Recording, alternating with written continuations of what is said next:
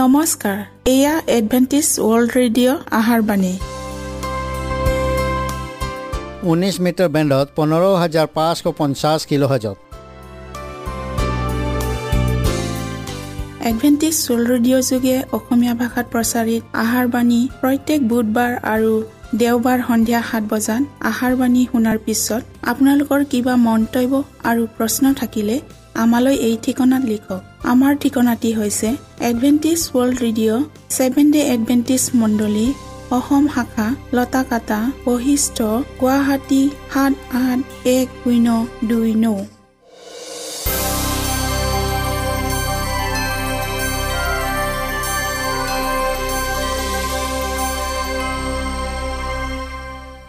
প্ৰিয় শ্ৰোতা বন্ধুসকল এতিয়া শুনো আহক এটি খ্ৰীষ্টীয় ধৰ্মীয় গীত।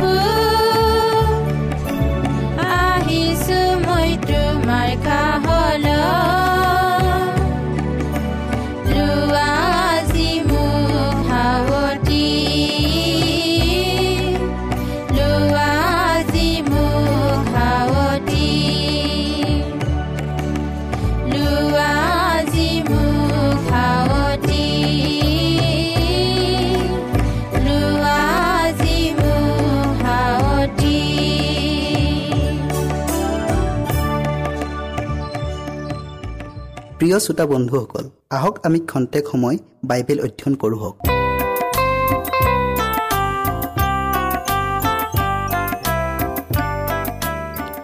প্ৰিয় শ্ৰোতাসকল নমস্কাৰ। আজি আমি ঈশ্বৰে তেওঁৰ মনোনীত লোকৰ অন্যায়ৰ প্ৰতিকাৰ নকৰিবনে? এই বিষয়টিলৈ অধ্যয়ন কৰোঁ হওক। শাস্ত্ৰপদ আপোনালোকে পঢ়ক লোক ওঠৰ অধ্যায়ৰ এক পদৰ পৰা আঠ পদলৈ। আমি প্ৰাৰ্থনা কৰোঁ হওক। সেই জীৱনময় গৰাকী ঈশ্বৰ জিহুৱা তোমাৰ নাম ধন্য হওক। প্ৰভু এতিয়া আমি বিশেষ বিষয় ঈশ্বৰে তেওঁৰ মনোনীত লোকৰ অন্যায়ৰ প্ৰতিকাৰ নকৰিবনে এই বিষয়টিলৈ অধ্যয়ন কৰিবলৈ আগবঢ়াইছোঁ। সেই নিমিত্তে প্ৰভু তুমি আমাৰ লগত থাকা আৰু প্ৰত্যেক শ্ৰোতাৰ হৃদয় পবিত্ৰ আত্মাৰ যোগেদি স্পৰ্শ কৰি দিয়া। যীশুৰ নামত খুজিলোঁ আমেন। কৃষ্টই তেওঁৰ দ্বিতীয় আগমনৰ পূৰ্বৰ সময়ছোৱাত তেওঁৰ অনুগামীসকলে কেনে দুখ কষ্ট আৰু তাৰণাৰ সন্মুখীন হ'ব তাকে কৈছিল। তেওঁ দৃষ্টান্তেৰে শিক্ষা দিয়া সময়ৰ লগত সংগতি ৰাখি বিশেষভাৱে উল্লেখ কৰি কৈছে। মানুহ নিৰুৎসাহী নহৈ সদায় প্ৰাৰ্থনা কৰি থকা উচিত। কোনো এখন নগৰত এইদৰেকৈ তেওঁ আৰম্ভ কৰিলে। ঈশ্বৰলৈ ভয় নকৰা মানুহকো নমনা এনে এজন বিচাৰক আছিল। সেই নগৰত এজনী বাৰীও আছিল। তেওঁ সেই বিচাৰক ওচৰলৈ আহি আহি নিবেদন কৰে যে অন্যায়ৰ প্ৰতিকাৰ কৰি মোৰ বিপক্ষৰ পৰা মোক উদ্ধাৰ কৰক। তাতে তেওঁ কিছুমান দিনলৈ সন্মত নহ'ল। কিন্তু পাছত নিজৰ মনতে ক'লে মই যদিও ঈশ্বৰক ভয় নকৰোঁ আৰু মানুহকো নামানো তথাপি এই বাৰীয়ে মোক দিক দিয়াৰ কাৰণে অন্যায়ৰ প্ৰতিকাৰ কৰি তেওঁক উদ্ধাৰ কৰিম। কিজানি তেওঁ আহি আহি শেষতে মোক ঘোচা মাৰে। গছে প্ৰভুৱে ক'লে সেই অধাৰ্মিকক কি কয় শুনা। তেন্তে ঈশ্বৰলৈ দিনেই ৰাতিয়ে কাকুতি কৰা তেওঁৰ যি মনোনীত লোকৰ ভালৰ অৰ্থে তেওঁ শত্ৰুক শাস্তি দিবলৈ পলম কৰে। তেওঁ অন্যায়ৰ প্ৰতিকাৰ কৰি সেই লোকক উদ্ধাৰ নকৰিবনে? মই তোমালোকক কওঁ তেওঁ লগতে অন্যায়ৰ প্ৰতিকাৰ কৰি তেওঁলোকৰ উদ্ধাৰ কৰিব। দৃষ্টান্তত উল্লেখ কৰা বিশ্বাসজনক ন্যায়ৰ প্ৰতি সন্মান নাইবা যন্ত্ৰণাত ভুগি থকা জনৰ প্ৰতি দয়া কৰা হিতাহিত জ্ঞান নাছিল। বাৰী তিৰোতাজনীয়ে বিচাৰকৰ আগত নেৰা নেপেৰাকৈ তাইৰ আপত্তি দৰ্শোৱা স্বত্তেও অগ্ৰাহ্য কৰিছিল। তাই বাৰে বাৰে একেই আপত্তি লৈ অহাৰ বাবে বিচাৰালয়ৰ পৰা অপমান কৰি খেদি পঠিয়াইছিল। বিচাৰকজনে জানিছিল তাই দৰ্শোৱা আপত্তি ন্যায়সংগম আছিল আৰু তেওঁ অনতি পলমে তাইৰ গোচৰ নিষ্পত্তি কৰিব পাৰিলেহেঁতেন কিন্তু তেনে নকৰিলে। বিচাৰকজনে তেওঁৰ স্বেচ্ছাচাৰিতাৰ ক্ষমতা দেখুৱাবলৈ তাইৰ অনুনয় বিনয় উপেক্ষা কৰি সন্তুষ্ট লভিছিল। তথাপিও বাৰী তিৰোতাজনী হতাশ নিৰা নহৈছিল। তেওঁ অমনোযোগী আৰু কঠোৰ চিতিয়া হোৱা স্বত্তেও বিচাৰকজনে তাইৰ গোচৰ সমাধান কৰিবলৈ মান্তি নোহোৱালৈকে আবেদন কৰিয়েই থাকিল। মই যদিও ঈশ্বৰক ভয় নকৰোঁ আৰু মানুহকো নামানো তথাপি এই বাৰীয়ে মোক দিগ দিয়াৰ কাৰণে অন্যায়ৰ প্ৰতিকাৰ কৰি তেওঁক উদ্ধাৰ কৰিম। কি জানি তেওঁ আহি শেষত মোক ঘোচা মাৰে। বিচাৰকজনে মনতে এইদৰে ভাবিলে নিজৰ মান মৰ্যাদা ৰক্ষা কৰিবলৈ আৰু জনসাধাৰণৰ মাজত তেওঁৰ একপকীয় আংশিক বিচাৰ আৰু নীতি নিয়ম প্ৰকাশ নহ'বলৈ তেওঁ বাৰে বাৰে আবেদন কৰি থকা বাৰী তিৰোতাজনীৰ গোচৰ মীমাংসা কৰিলে। প্ৰিয় শ্ৰোতাসকল পাছে প্ৰভুৱে ক'লে সেই অধাৰ্মিক বিচাৰকে কি কয় শুনা? তেন্তে ঈশ্বৰলৈ দিনে ৰাতিয়ে কাকতি কৰা তেওঁৰ যি মনোনীত লোকৰ ভালৰ অৰ্থে সেই লোকক উদ্ধাৰ নকৰিবনে? মই তোমালোকক কওঁ তেওঁ বেগতে তেওঁলোকক উদ্ধাৰ কৰিব। খ্ৰীষ্টই ইয়াৰ অধাৰ্মিক বিচাৰক আৰু ঈশ্বৰৰ তীক্ষণ বিসাদৃশ্যতা অংকন কৰি তুলনা কৰিছে। বাৰী তিৰোতাজনীৰ নেৰা নেপেৰা আবেদনৰ পৰা বিচাৰজনে ৰেহাই পাবলৈহে কপট মনেৰে তাইৰ গোচৰ শুনিলে। তেওঁ তাইৰ প্ৰতি দয়া মমতা উপজা নাছিল। তাইৰ কষ্ট যন্ত্ৰণাও তেওঁৰ মনত তুচ্ছ আছিল। ঈশ্বৰক বিচৰাবিলাকৰ প্ৰতি তেওঁৰ মনোভাৱ কিমান বেলেগ। অভাৱগ্ৰস্ত আৰু যাতনাভোগীৰ ক্ৰদন তেওঁৰ অসীম দয়াৰে শ্ৰৱণ কৰে। বিচাৰকৰ ওচৰত ন্যায় বিচাৰ পাবলৈ যিজনী তিৰোতাই অনুনয় বিনয় কৰিছিল তাইৰ স্বামীয়ে মৃত্যু হৈছিল। দৰিদ্ৰ আৰু নিৰাশ্ৰয়া হোৱা হেতুকে তাইৰ জীৱিকাৰ অৰ্থে আৰু হেৰুৱা সন্মতি উদ্ধাৰৰ কাৰণে কোনো উপায় নাছিল। ইয়াতে আমি এটা শিক্ষা পাওঁ যে পাপে আমাক সম্পূৰ্ণৰূপে ঈশ্বৰৰ পৰা পৃথক কৰিলে। মুক্তি বা উদ্ধাৰৰ কোনো উপায় নাছিল। কিন্তু খ্ৰীষ্টত আমি পিতৃৰ ওচৰলৈ চাপি আহিলোঁ। এতিয়া আমি তেওঁৰ মনোনীত প্ৰিয় সন্তান। জগতৰ অন্ধকাৰৰ মাজত পোহৰ হৈ জ্বলি থাকিবলৈ তেওঁৰ নামৰ প্ৰশংসা কৰিবলৈ এই লোকবিলাকক অন্ধকাৰৰ পৰা তেওঁৰ আচৰিত পোহৰলৈ আমন্ত্ৰণ কৰিলে। সেই অধাৰ্মিক বিচাৰজনে বাৰী তিৰোতাজনীৰ প্ৰতি ন্যায় বিচাৰ কোনো বিশেষ চিন্তা কৰা নাছিল। তথাপিও তিৰোতাজনী বাৰে বাৰে আপত্তি কৰি থকাৰ পৰা অব্যাহতি পাবলৈ বিচাৰ কৰি বিৰোধী পক্ষৰ পৰা উদ্ধাৰ কৰিলে। কিন্তু ঈশ্বৰে অসীম প্ৰেমেৰে নিজ সন্তানবিলাকক প্ৰেম কৰে। কাৰণ জগতত থকা মণ্ডলীত এওঁবিলাকে তেওঁৰ আটাইতকৈ প্ৰিয় মনোনীত লোক। কিয়নো যি হোৱাৰ ভাগ তেওঁৰ প্ৰজাই জাকুৱে তেওঁ অধিকাৰ কৰা অংশ তেওঁ অৰণ্য দেশত তাক পালে। জন্তুৱে চিঞৰি থকা ভয়ানক মৰুভূমিত তাক পালে। কিয়নো বাহিনীবিলাকৰ যীশুৱাই এই কথা কৈছে গৌৰৱ প্ৰকাশিত হোৱাৰ পাছত তোমালোকক লোট কৰা জাতিবোৰৰ ওচৰলৈ তেওঁ মোক পঠালে। কাৰণ যিজনে তোমালোকক স্পৰ্শ কৰে সেইজনে তেওঁৰ চকুৰ মণি স্পৰ্শ কৰে। জখৰীয়া দুই অধ্যায়ৰ আঠ পদত। অন্যায় প্ৰতিকাৰ কৰি মোৰ বিপক্ষৰ পৰা মোক উদ্ধাৰ কৰক। এয়াই আছিল বাৰী তিৰোতাজনীৰ নিবেদন।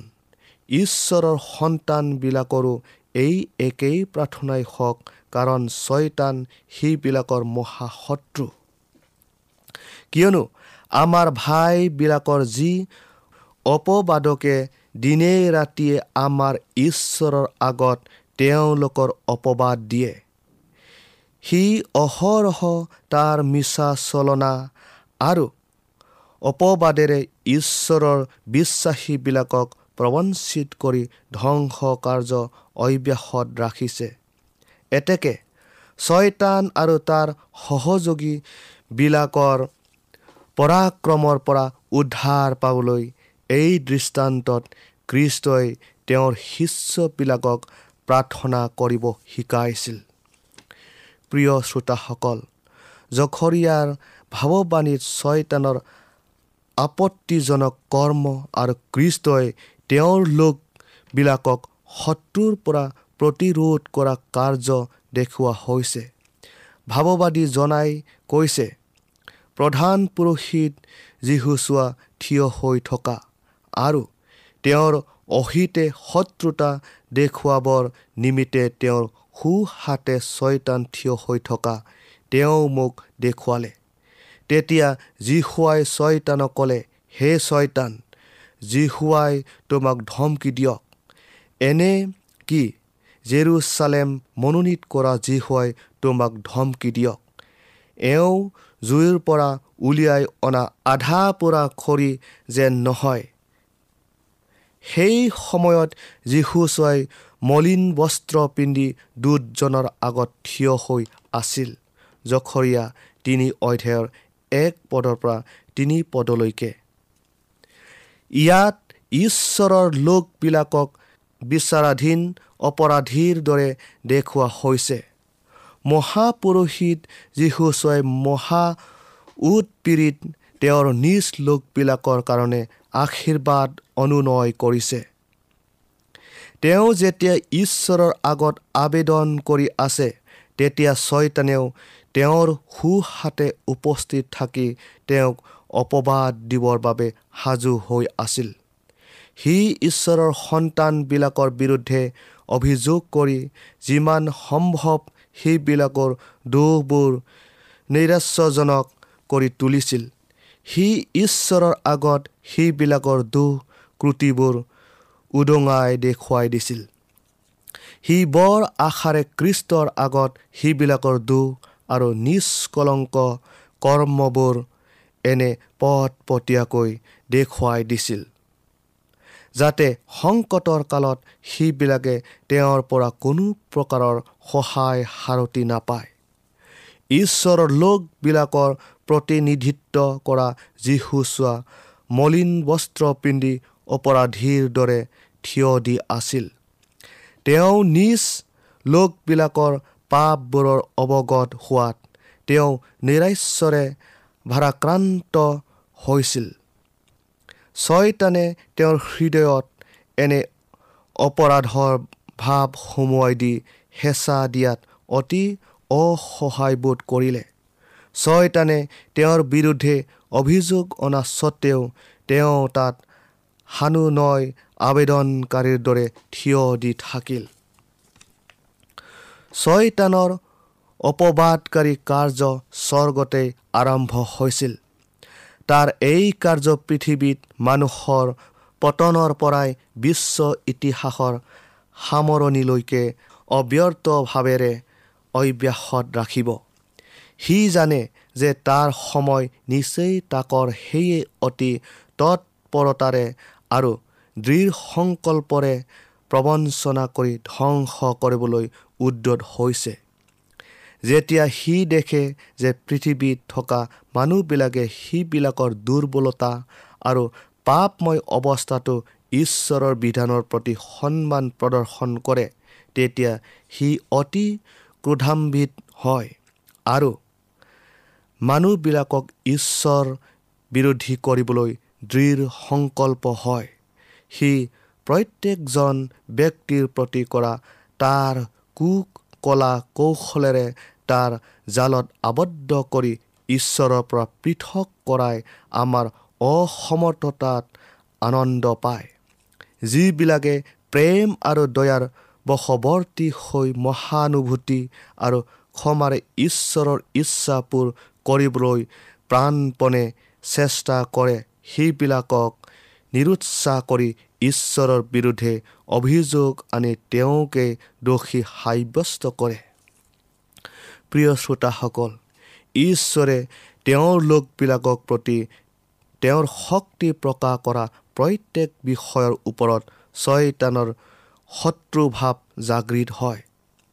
ঈশ্বৰে যেতিয়াই তেওঁৰ নিজ লোকৰ হৈ সৎ কাম কৰে তেতিয়াই ছয়তান আৰু তাৰ দূতবিলাকে নতুন উদ্যমেৰে সেই শুভ কাৰ্যৰ ধ্বংসলীলা আৰম্ভ কৰে।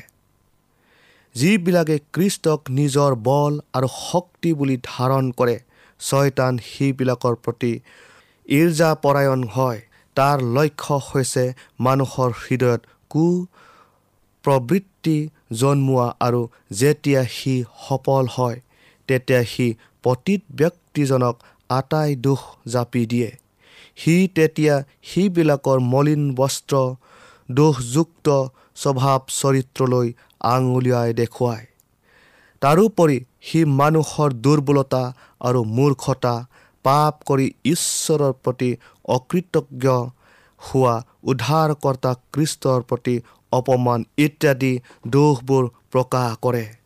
তাৰ এই আটাইবোৰ অভিযোগ সি প্ৰতিবাদেৰে নিজকে ন্যায়সংগত কাৰ্য কৰিছে বুলি দেখুৱালেও তাৰ অন্তৰালত সিহঁতৰ বিনাশ হোৱাটোহে কামনা কৰে। সি মানুহবিলাকক সিবিলাকৰ আশাহীন অৱস্থা আৰু কেতিয়াও ধুই গুচাব নোৱাৰা পাপৰ কলংকৰ ভয় দেখুৱাই নিৰুৎসাহ কৰে। সি মানুহবিলাকৰ বিশ্বাস ভংগ কৰি সম্পূৰ্ণৰূপে তাৰ কবলত পৰা আৰু ঈশ্বৰৰ আনুগত্যৰ পৰা আঁতৰোৱাই তাৰ কাম্য।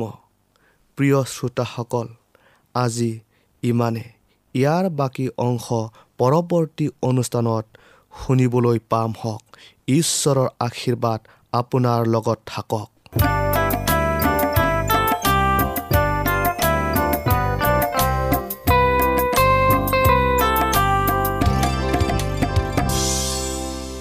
ইমানপৰে আমি বাইবেল অধ্যয়ন কৰিলোঁ। এতিয়া আকৌ শুনো আহক এটি খ্ৰীষ্টীয় ধৰ্মীয় গীত।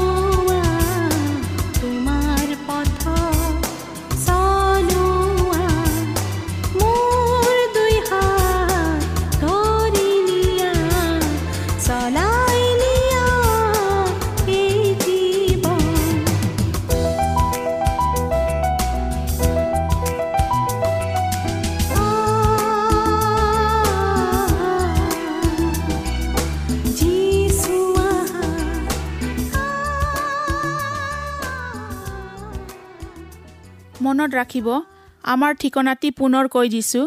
Adventist World Radio' Assam Region of Seven Day Adventist Voice of Hope Latakata Basistha Guwahati seven eight one zero' two nine প্ৰিয় শ্ৰোতা বন্ধুসকল এডভেণ্টিজ ৱৰ্ল্ড ৰেডিঅ' যোগে আহাৰবাণী প্ৰচাৰত আপোনালোকক পুনৰ লগ পোৱাৰ আহাৰে আজিলৈ সামৰিলোঁ। ধন্যবাদ।